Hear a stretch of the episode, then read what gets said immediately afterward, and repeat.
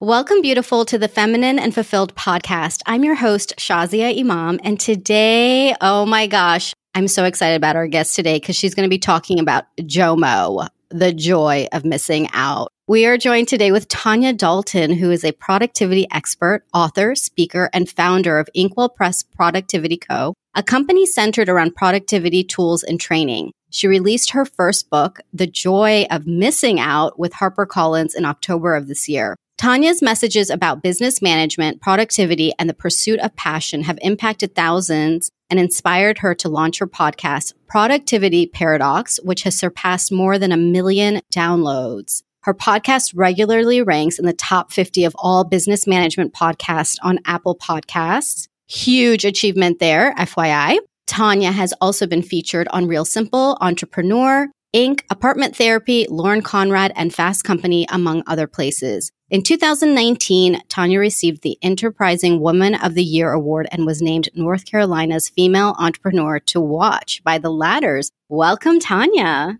Thanks so much for having me. I'm so excited to be here. Oh my gosh, I'm so excited for you to be here. And I just want to dive right in. Tell us more about the joy of missing out because we often hear about FOMO, which is the mm-hmm. fear of missing out. But what's the joy of missing out? Yes, there's way too much FOMO, right? Mm-hmm. So much mm-hmm. FOMO. We worry that we're missing out on the opportunities. And so we do as much as we can. We're like cramming our days full. And so the joy of missing out really is this idea that there is a lot of happiness and a lot of joy in our everyday lives. But because of all that noise, because of all that clutter, sometimes we don't see it. It's hard to find. And so I think when you think about your ideal day, when you daydream about, oh, my ideal life and what it looks like, you know, I think that there are some incredible, amazing things in that day, but there is a lot of things that are missing. The feeling of being stretched too thin, or the, you know, saying yes out of obligation and guilt instead of saying yes out of desire and excitement, the busyness and the, the stress we all feel, those things are missing. So really what I wanted to do was write a book about how can we actively choose to miss out on those things to really discover the joy in our lives. And so I wanted to give women these very actionable steps to make that happen. Because it sounds amazing to live a life focused on your priorities, but you know what? You still got to pay the bills. You still got to, you know, they make dinner at night. You still got to do the laundry and all those things. How do you really make life work for you instead of always feeling like, gosh, you know, I don't have any ownership over my day and feeling like the day runs you? Mm, oh my gosh. Already so many questions, but let me start with what's your story, Tanya? And I imagine that there was a trajectory that you went on that got you to where you're at today. Yes, absolutely. So I started my first business in about 2008 with my kids literally playing at my feet. They were really little. And I started with $50. So it was supposed to be this side business that I did while my husband was off. He was doing international marketing. So he was traveling and he would be gone for three or four weeks at a time. And I had a conversation with him that completely changed my life. He told me that he was really feeling like he was missing all the milestones with our kids and feeling like he wasn't really a hands on dad like he wanted to be. So I remember hanging up the phone. He's on the other side of the planet from me. I hang up the phone and I stand in my kitchen and I think to myself, you know what? I'm going to grow this business so that he can come work alongside of me. I'd never taken a business class in my life. I'd never, you know, really pursued business seriously. And yet I set that goal for myself. And within about a year, I was able to make that happen. But, you know, in pursuit of trying to, you know, get this company off the ground, raising kids, having a husband who traveled nonstop, I found that I was just saying yes, yes, yes. And I was trying to do all the things all at the same time, mm-hmm. running myself ragged, you know, just wearing myself out. And I would feel like I would check a million things off my to do list, but then slip into bed at night and think that I'd never done enough. Why didn't I do more? Why didn't I accomplish more? Why did I fuss at the kids? Probably because I was exhausted, quite frankly, right? And so I had this moment, you know, it, when my kids were little, where I was stirring a pot of spaghetti and my husband had pulled into the garage and I could hear him come into the garage. I heard the garage door open and he doesn't come in and he doesn't come in and he doesn't come in. And minute after minute passes. And after about four or five minutes, I'm pretty angry at this point. Like the steam, if it was a cartoon, like steam would be coming out of my ears. And I stomp over to the garage and I open up the garage door and I see him out there in the garage in the car laughing at some radio bit, just, you know, enjoying a few minutes to himself. And I thought to myself, how dare he? How dare he take that time for himself? I would never give myself. And I stopped. And I thought, mm. oh my hmm. gosh, I would not give myself five minutes. I wouldn't give myself like, you know, a transition time to go from work into home. I wouldn't give myself that time to breathe and just to laugh with the radio. How had it become, you know, how, did I, how had I gotten to this point in my life that I felt like busy was this badge of honor, that I had to stay busy all the time and I couldn't gift myself the space and the time. And so that for me was a really big turning point. That was when I really realized I need to change what I'm doing because yes, I'm checking all the boxes of what looks good to everybody else, but I'm killing myself in the process and I'm wearing myself out and it's exhausting keeping up this whole facade of having it all together all the time. Mm-hmm. And so I really had to make some shifts and some changes in my life to really allow myself that grace to really realize what I need to do is be truly productive, which is not about doing more it's doing what's most important. I needed to pare down and I needed to really clarify how to spend my time on what was most important. And once I did that, that's when I began to feel successful. That's when I began to end my days thinking, you did pretty good today. And that's a good feeling, slipping into bed thinking, well done, right? I don't feel like we end our days enough saying, gosh, I did a good job today. Oh gosh, no. I mean, mm-hmm. there's plenty of days where it feels like like you said, you're running yourself ragged and then at the end of the day feeling like, gosh, but what did I do? And then feeling bad and then the cycle continues and continues and yes. continues. We wake up in the morning and we already feel like we're behind. You know, I really feel like we're at this point with society today that it's almost like if we're not busy, we worry that we are somehow failing when we have, you know, five ten minutes to ourselves, we kind of panic and go, oh, okay, what did I do wrong? What did I forget to do? Right? We feel like I can't possibly have five or 10 minutes that are just for me. I feel like I should be filling it. And I feel like we are really filling our calendars, but we're not filling our souls. You know, we're really not taking mm-hmm. care of mm. ourselves. And when we take care of ourselves, when we take care of our wants and our needs, we're able to give our fullest selves to everybody else it really does make a huge difference in how we interact with our friends, our family, with strangers on the street. I just think it makes us a happier person. And so I think that really when we start to really create a little bit of structure in our days with a little bit of flexibility and a lot of grace in that structure, when we create some structure to our lives and we really start moving in a forward direction towards that life we want, that's when we begin to feel more empowered. That's when we begin to feel more confident. That's when we really begin to feel like, you know what? I'm doing a really good job. Hmm. Let's have one of those days. Uh, yes, absolutely. And there was something that really stood out in what I had read, Tanya, that you said that feeling overwhelmed isn't the result of having too much to do. It's from not knowing where to start. So, where mm-hmm. can a woman start?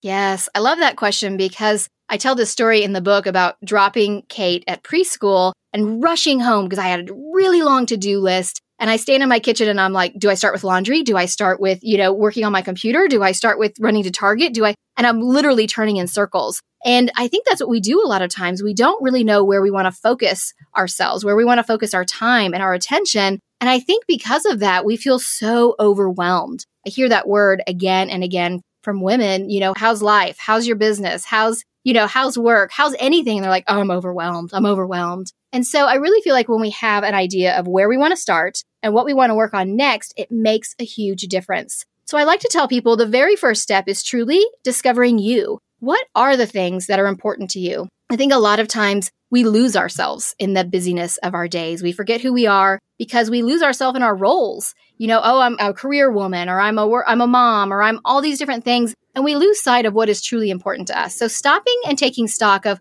what truly are your priorities? What is your purpose? What are the things you're passionate about? Let's discover who you are and then let's create a productivity system that's designed and customized for you. I think so often this is why productivity has failed us in the past is that, you know, they have these really rigid systems and we think we have to wrap our life around that. And I think it should be the opposite. It should be you at the center, your strengths, your weaknesses, your priorities, and then let's wrap that whole system around you and make sure it really works for you. So, really, the first step to me is what are the things that are truly important to you? And then let's center our day around those. And there's ways that we can do that, you know, through getting rid of our to do list and making a priority list by really clarifying what we want to say yes to, what we want to say no to. So there's lots of different ways we can allow that to happen. But that's really the first step is what are the things that are most important to you? Not to your neighbor, not to your mom, not to your best friend, to you. What is uniquely your priorities? Okay, so question on that. I can imagine somebody, myself included, let's just use me as an example. I can imagine writing this list, but getting swayed, even though it's supposed to be about what I want, right? Mm-hmm. About mm-hmm. me. How do you really know this is my priority versus oftentimes I know that for me, I can take something on as a priority Mm-hmm, but if mm-hmm. if I asked in my heart of hearts, I know the answer, but I still keep it on my list. I still keep doing these things that are mm-hmm. actually not what I want.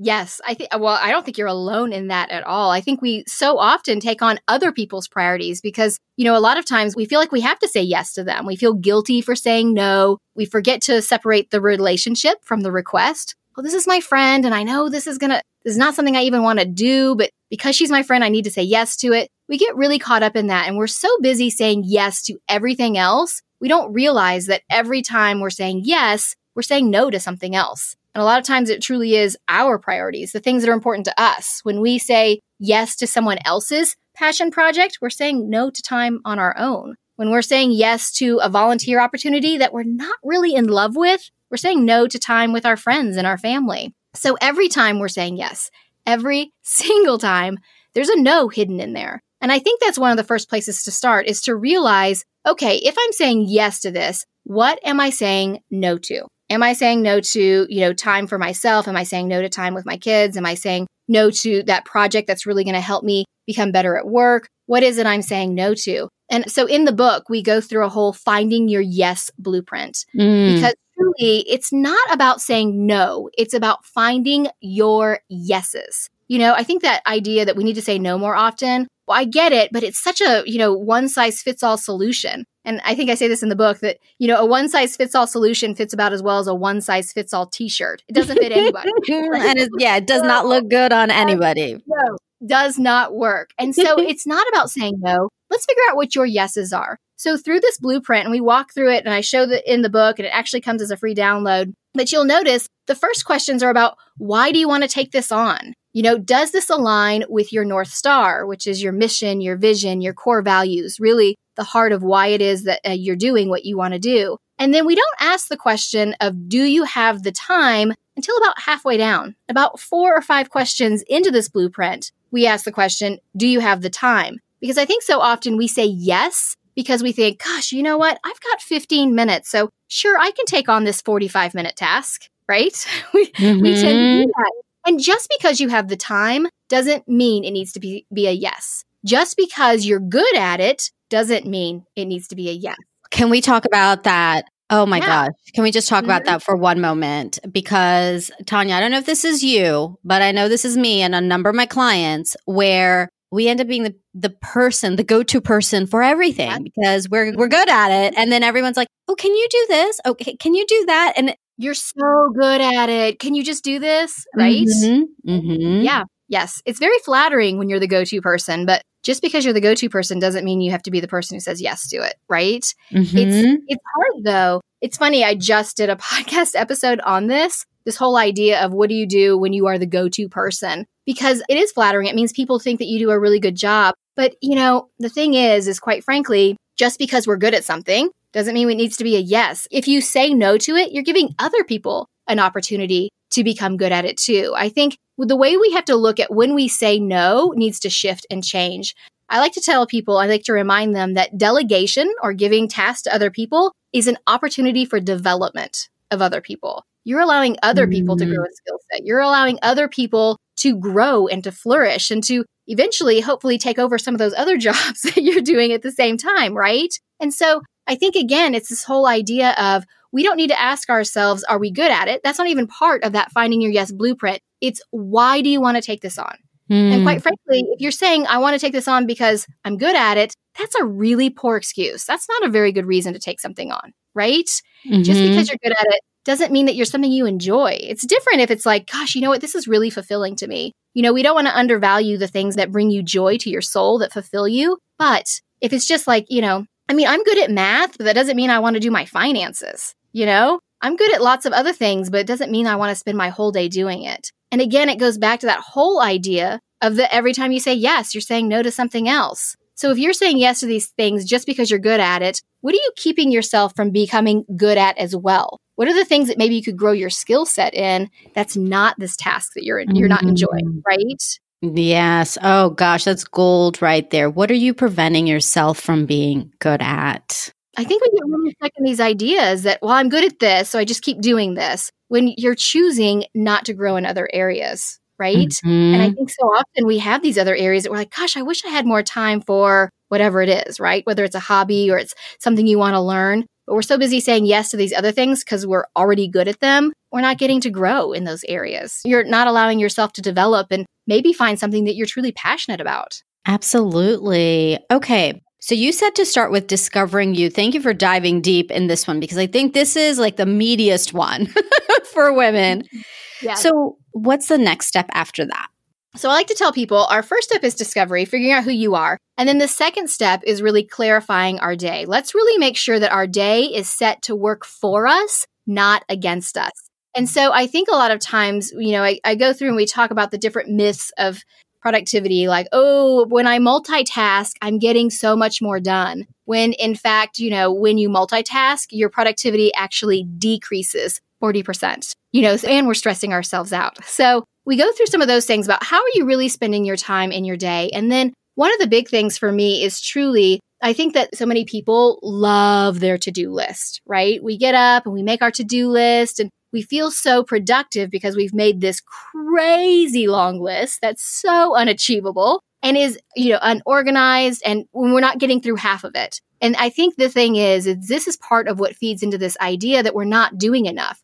We're never getting to the end of that to do mm-hmm. list because it just keeps growing and growing and growing. And so, one of the ways to really clarify how you're spending your time is to throw away your to do list. Just get rid of it and instead choose to make a priority list. So, I like to tell people that a priority list takes exactly the same amount of time as a to do list. It's essentially a to do list with intention. So, it's setting up your day with intention. So the way that a to-do list works is you just, you know, tack things on at the bottom, right? As things come up, you just tack them on at the bottom. A priority list, you really think through each of the tasks and you prioritize them. Starting Mm. at the top, you know, we have three categories to the priority list, and I walk through all of this in the book. It's really so simple and easy to do. It literally takes no longer than the to-do list. We start at the top with the first category, which is escalate tasks. And those are tasks that are important and they're urgent. So they have a deadline that you know there's something that has to be done quickly, but they're important in that they're driving us closer to our goals. They're linked to our north star. They're things that are advantageous.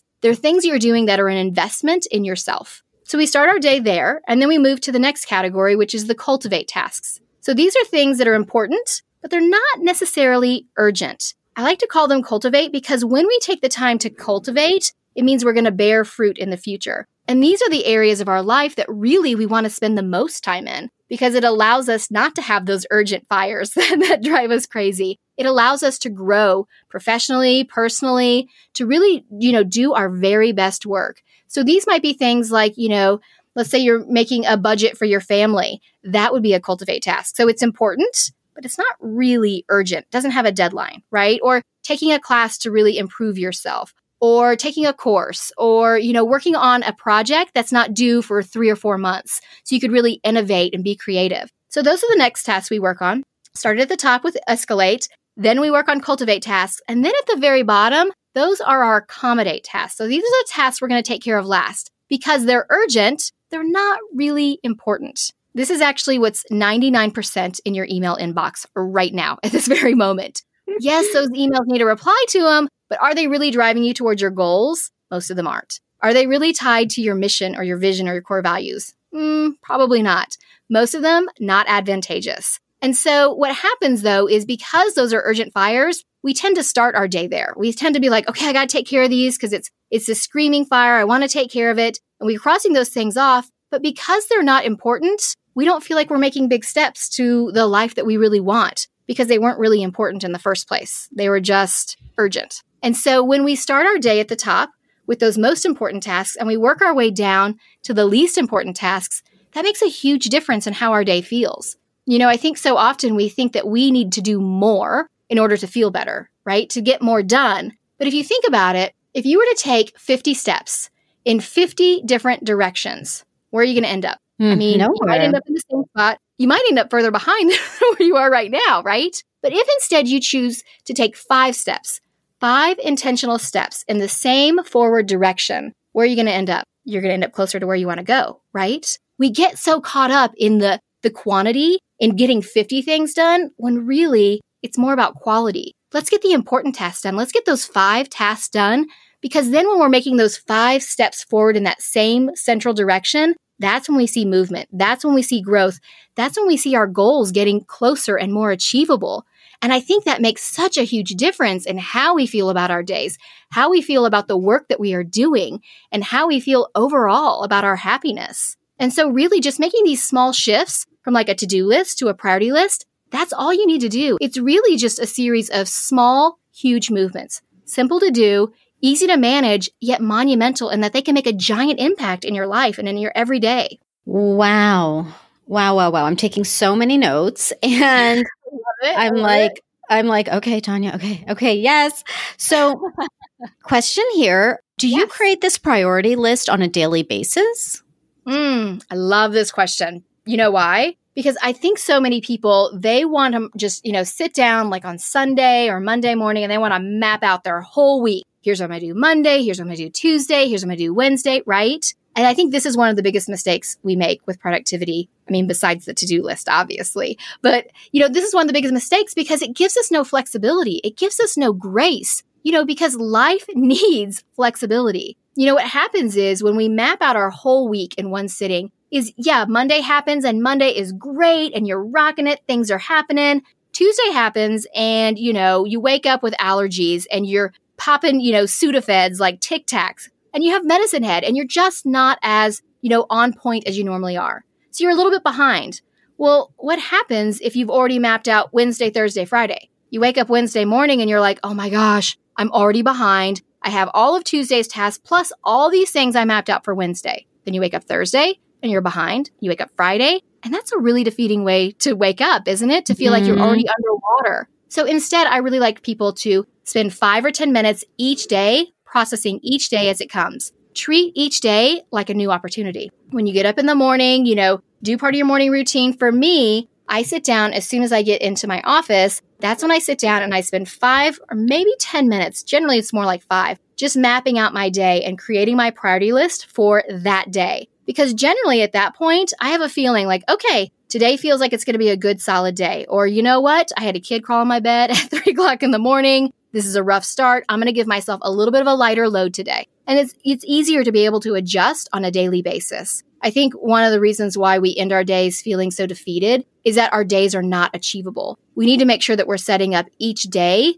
to feel achievable, that we can get the things done on our task list that we really want to get done. And so, yeah, each day, just sit down, spend that five or 10 minutes, create, I like to call it the rhythm of my day. I create the rhythm of my day, what it's going to look like, and then I check my email. So I don't let other people's mm. urgent fires, I don't let other people's priorities invade my planning time. I make sure I have a little bit of space and flexibility in my day in case things pop up, but I make sure to plug in my priorities first. I make sure those tasks that are going to help drive me forward are plugged into my day before anybody else gets an opportunity to get a crack at my calendar. That is such an important tip that you're giving right there, right there, because it's so easy to just look at our phones and then all of a sudden mm-hmm. we're in reaction mode. So, yeah. Tanya, do you have like a piece of paper? Like, do you have a notebook and pen right by your bed? Do you put your phone somewhere else? How do you actually put this into action?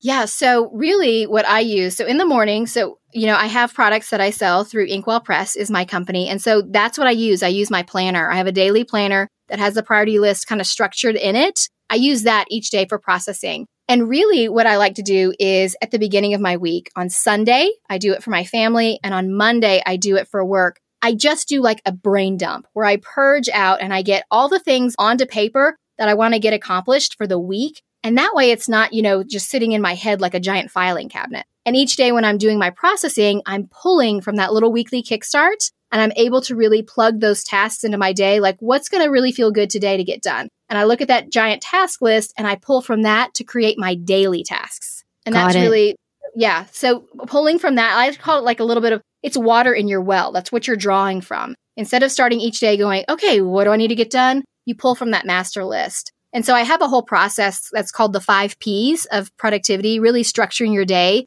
to maximize your success, where each of the P's walks you through. The first P is to purge, to get that giant list out that's just not worrying about prioritizing it, just getting it out of your head and onto the paper. The second P is processing it. So processing each day as it comes. The third P is to prioritize, like we talked about with that priority list. And then the fourth P is to protect. We want to protect that time. We want to block out time mm-hmm. in our day so we can do the deeper work. So while you're prioritizing, block out, okay, you know what? I'm going to take care of this escalated task at this time and block it into your calendar. And then the last P is to propel. Give yourself momentum, give yourself springboards to make life easier. So each day, as part of my end of day routine, I have like a little five minute activity that I do. I call it the five minutes to peak productivity that really allows me to leave a little bit of water in my well for the following day. So I can walk you through that if you're interested in hearing uh, about how I do that. Yes, yeah. please. okay. So, That's my P is please. right? And so so yeah, the to me this last P, the propel is so important. It's really giving us that momentum. I think if you think about it like, you know, riding a bike up a hill, it's really difficult if you're at a dead stop at the bottom of the hill. But if you have given yourself a little bit of a head start, a little bit of pedaling to grow that momentum and that inertia, that hill is so much easier to tackle. And so that's what we're doing when we're ending our day with this five minute activity. We're going to give tomorrow a little bit of momentum. So it takes five minutes. Each minute we do something different. So the first minute we write down the things we got accomplished today. We're really quick to think about the things that didn't go well. It's good to take one minute to write down what you actually accomplished in the day. Nine times out of 10, I'm always surprised. I'm like, oh, I got more done than I thought I did, right? So you take one minute to write those down. Then during minute two, you want to assess how you felt during your day. Did I put too much on my plate? If you're regularly saying, gosh, you know, I felt so stressed out and I felt like I, I had too much on my plate, we need to adjust how many things you're putting on your priority list, right? Let's really make our days to be achievable. How's your stress? How's your health? How are you feeling overall? The third minute is for writing down one thing that you did today to work towards a goal. Each day, if we take a tiny little step towards a goal, we're going to get there so much faster, right? Little tiny steps make a huge difference. Minute four is spent working on gratitude. Three things that I'm grateful for for that specific day. So I don't say things like, oh, I'm thankful for my family. I'm always thankful for my family. I'm thankful for Kate getting the dishes out and ready for dinner, right? What happened today that I was grateful for. And then that last minute, minute five, is spent getting the things out of my head and onto the paper that I want to get accomplished for tomorrow. What are the big tasks I think I really want to focus in for tomorrow? I'm not planning tomorrow. I'm just getting them out of my head. And part of the reason why I do this is I want to get them onto that paper because then when I close that work compartment in my head and I go and I focus in on my family, I give my family 100%. I know that tomorrow's tasks are going to be taken care of because I already wrote it out. And now I'm able to give my fullest self to my family. And so, what I do with this piece of paper is I rip it off, I leave it on my desk, and that's what I spend my first minute of my planning reviewing what I got done yesterday, how I felt, and then planning my day for that day. So you can see that builds up that momentum. I start by looking over my accomplishments from the day before. That feels like a win, feels pretty good, right? I look over my gratitude. I see what I did towards a goal you can see that setting yourself up already feel a little more positive, a little more excited. And then I have that list of things that I want to get accomplished for the next day that I'm using as my planning for today. And all of that builds that momentum to make the day happen so much easier. Thank you so much, Tanya, because, you know, I'm just, I'm really vibing with everything that you're sharing. Because, first of all, it's just so different from like time block your calendar and set up the same mm-hmm. time for when you're going to do this task. And, you know, I think there are a lot of productivity hacks that we've been taught along the way, but they, they don't work, you know, like you've already mentioned. Mm-hmm. They absolutely don't. And what I love that you're sharing is that it's still a system. It's still clear. It's still easy, but it is. It's about building the momentum. It's about feeling good because that feeling good is what keeps us going. And if day after day I'm not feeling enough, then my next day starts to feel like that. It bleeds into the next day and the next day and the next day versus just this five minute propel exercise. I can absolutely see how if I were to start doing this, I end my day on this note of what I've done, you know, what's in my head, what what can I be grateful for, and then starting that next day with a bang too, and then getting into that momentum we're bookending our days with some some wins and some happiness, right? Mm-hmm. And I think that happiness is so undervalued. We think, you know, in pursuit of doing it all and we're so busy chasing busy that we don't think about am I happy? Am I satisfied? Am I feeling good about what I'm getting accomplished in the day, or am I just wearing myself out? And by taking stock and taking some accountability, it really allows you to stop and reflect and go, okay, I really am doing better than I thought. Or, you know what? I need to make some adjustments. And that's okay to need to make adjustments. We need to make adjustments all the time because we are works in progress. Mm-hmm. And I think mm-hmm. that's the thing that is most important. You know, any of these systems that I've talked about today, they're systems and they create some structure, but there is a lot of flexibility in them. There's a lot of grace because we need that in our everyday lives. I think it is so important to make sure, too, that it really does run and work for you. That's the most important part. Absolutely. Thank you so much. And you know, you've mentioned your book and you've mentioned some of your products. How can our listeners find out more? Yes. So if you go to tanyadalton.com, that's Tanya with an O and a Y, you can find links to my book, which is The Joy of Missing Out. You can also find links to my podcast, Productivity Paradox. You can also find links to my other website where I sell my products. I sell a notepad with the five minute ads to peak productivity. I sell daily planners, weekly planners, and all kinds of things like that. But you can find me and everything else at tanyadalton.com. Oh, great. Thank you so much, Tanya. And any last words of wisdom for our beautiful listeners? Yes. Well, you know, we talked about a lot of things today, and I want to encourage your listeners not to get overwhelmed. And this is the thing I think that what happens is we hear ideas and we're like, oh, I'm going to do this and that and this. I would encourage them to think about one thing. What's one of the things we talked about today that you think you would like to implement? Focus in on just one of those and work on that for a week. And then you can grow it from there. And then you can add in another one. I think we tend to forget that the small steps really are the big steps. It really is when we take tiny steps forward, one little step makes a huge difference. So, and everything that we talked about here, I do go way more in depth with in the book. So don't feel like you have to do it all. Choose what's really going to work for you. That's what's most important. Well, I'm going to share with everybody listening that the first thing that I'm going to do is I'm throwing out my to do list. That's my number it. one thing. that makes me very happy to hear. And I love because you're holding yourself accountable. I love it. I cannot wait. I'm gonna maybe I'll even burn it and be like, "Good riddance," and do a ceremony. burning it because I would love to see that.